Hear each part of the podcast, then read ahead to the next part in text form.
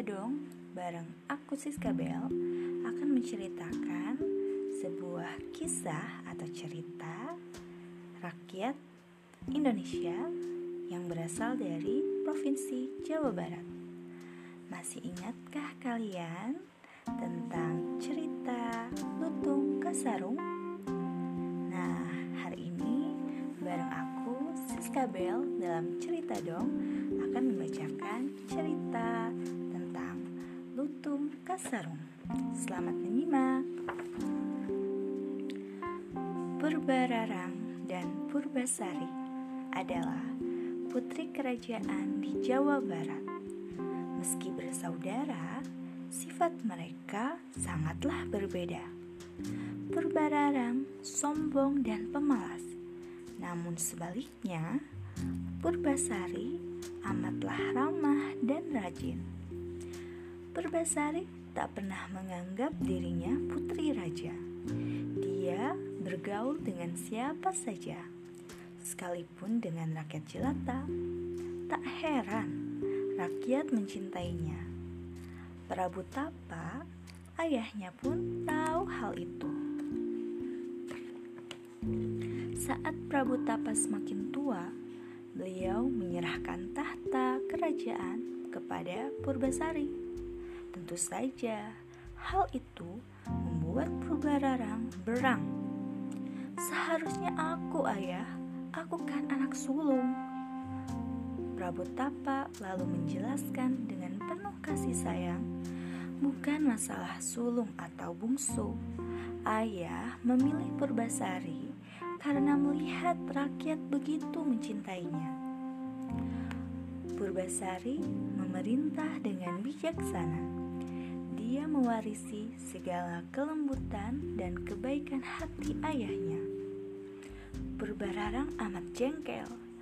Dia masih tak terima. Seharusnya aku yang jadi ratu, tekadnya. Suatu hari, terdengar teriakan dari kamar Purbasari. Prabu Tapa dan Purbararang tergopoh-gopoh mendatangi Purbasari. Ya ampun, apa yang terjadi padamu? Tanya Prabu Tapapilu. Kulit tubuh Purbasari berbintik-bintik hitam. Sebagian antaranya mengeluarkan nanah yang bau. Uh, kenapa jadi begini? Purbasari menangis, tak mengerti. Melihat adiknya menangis, Purbararang tidak kasihan.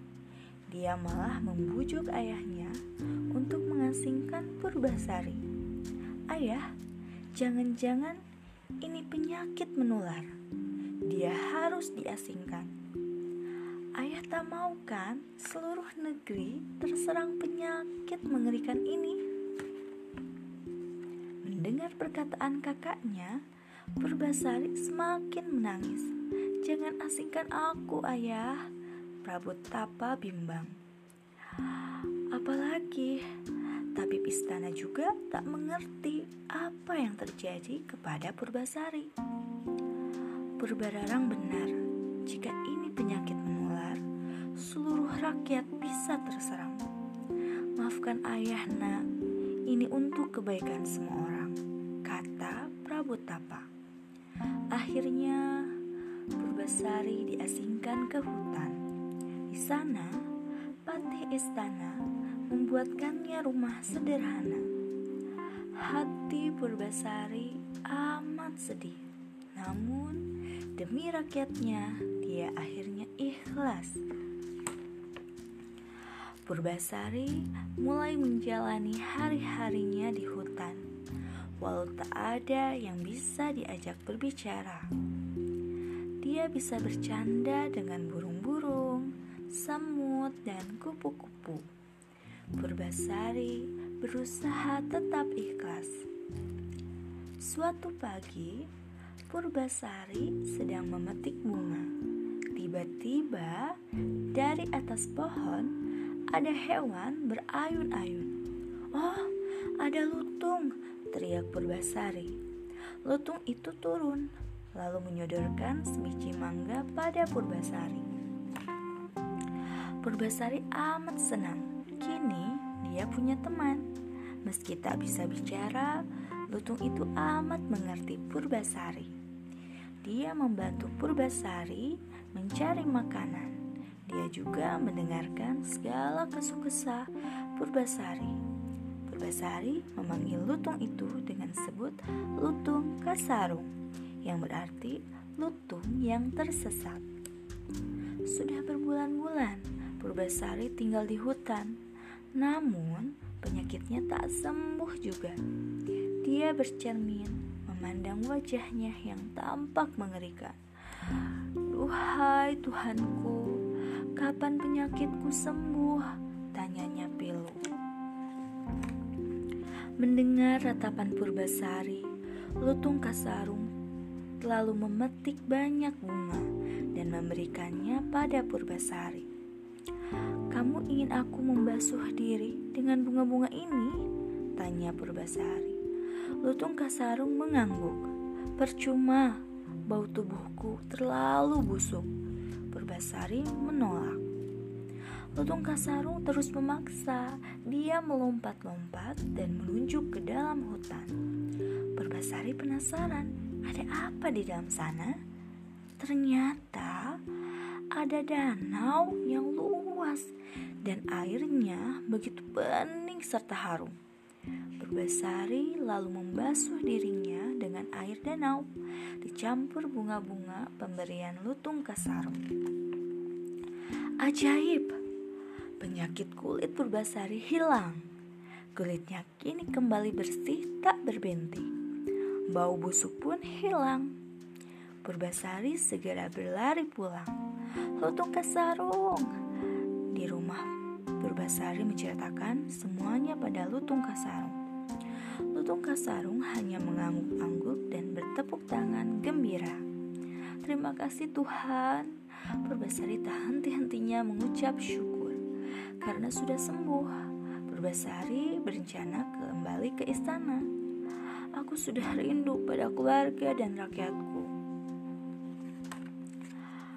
Ketika Purbasari bersiap, ada kereta kencana berhenti di depan rumahnya.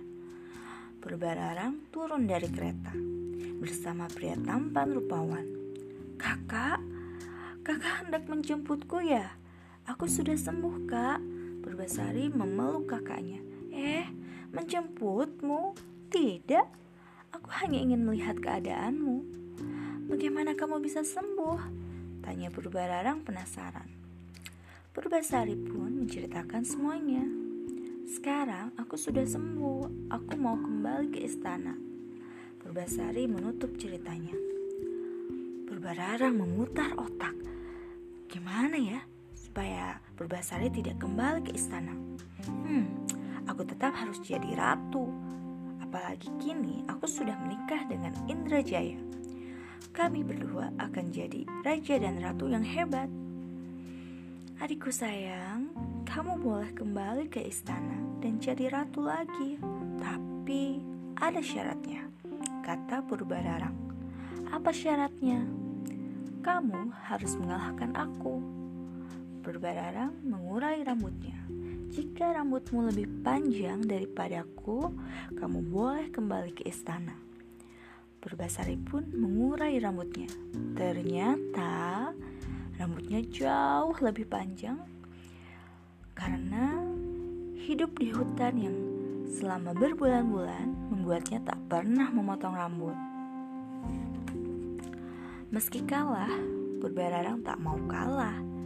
Ia terus berpikir dan akhirnya memberikan satu syarat lagi. Kali ini syaratnya begitu berat. Aku yakin dia tak bisa mengalahkanku, bisik Purbararang. Apa syaratnya? Tanya Purbasari. Ini Indrajaya, suamiku.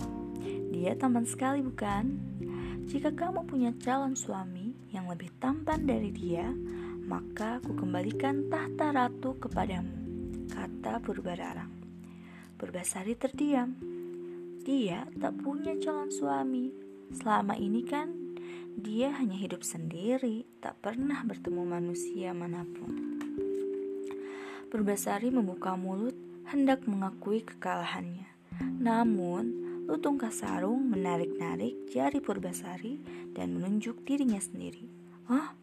Kamu mau jadi suamiku? Tapi kamu kan... Purbasari berbisik bingung. Lutung Kasarung mengangguk-angguk dan terus menunjuk dirinya sendiri. Hmm, calon suamiku adalah dia. Purbasari menunjuk Lutung Kasarung. Seketika pecahlah tawa Purbararang dan Indrajaya. Lutung, maksudmu calon suamimu Lutung? Mana mungkin dia mengalahkan ketampanan Indrajaya. Purbararang dan Indrajaya membalikkan tubuh bersiap naik kereta kencana. Kamu kalah, tinggallah di sini selama-lamanya. Sebelum Purbararang melangkahkan kaki, terdengar suara aneh. Blar! Tubuh lutung kesarung tertutup cahaya putih. Perlahan, cahaya itu pudar. Seorang pria yang jauh lebih tampan daripada Indrajaya berdiri di sana. Si, si, si, si, siapa kamu? Berbararang ketakutan. Dia menelisik pria itu dari ujung rambut sampai ujung kaki. Aku lutung kesarung, calon suami Purbasari. Purbasari terkejut Sebenarnya kamu ini manusia atau lutung? Lutung Kasarung lalu menceritakan asal-usulnya. Aku adalah pangeran. Saat masih bayi, aku itu dikutuk oleh musuh ayahku. Kutukan itu akan hilang jika ada perempuan yang baik hati yang mau mengakui aku sebagai calon suaminya. Akhirnya Purbasari tersenyum bahagia Lutung Kasarung jauh lebih tampan daripada Indrajaya. Purbararang akhirnya mengaku kalah. Dia mengajak Purbasari pulang ke istana dan kembali jadi ratu.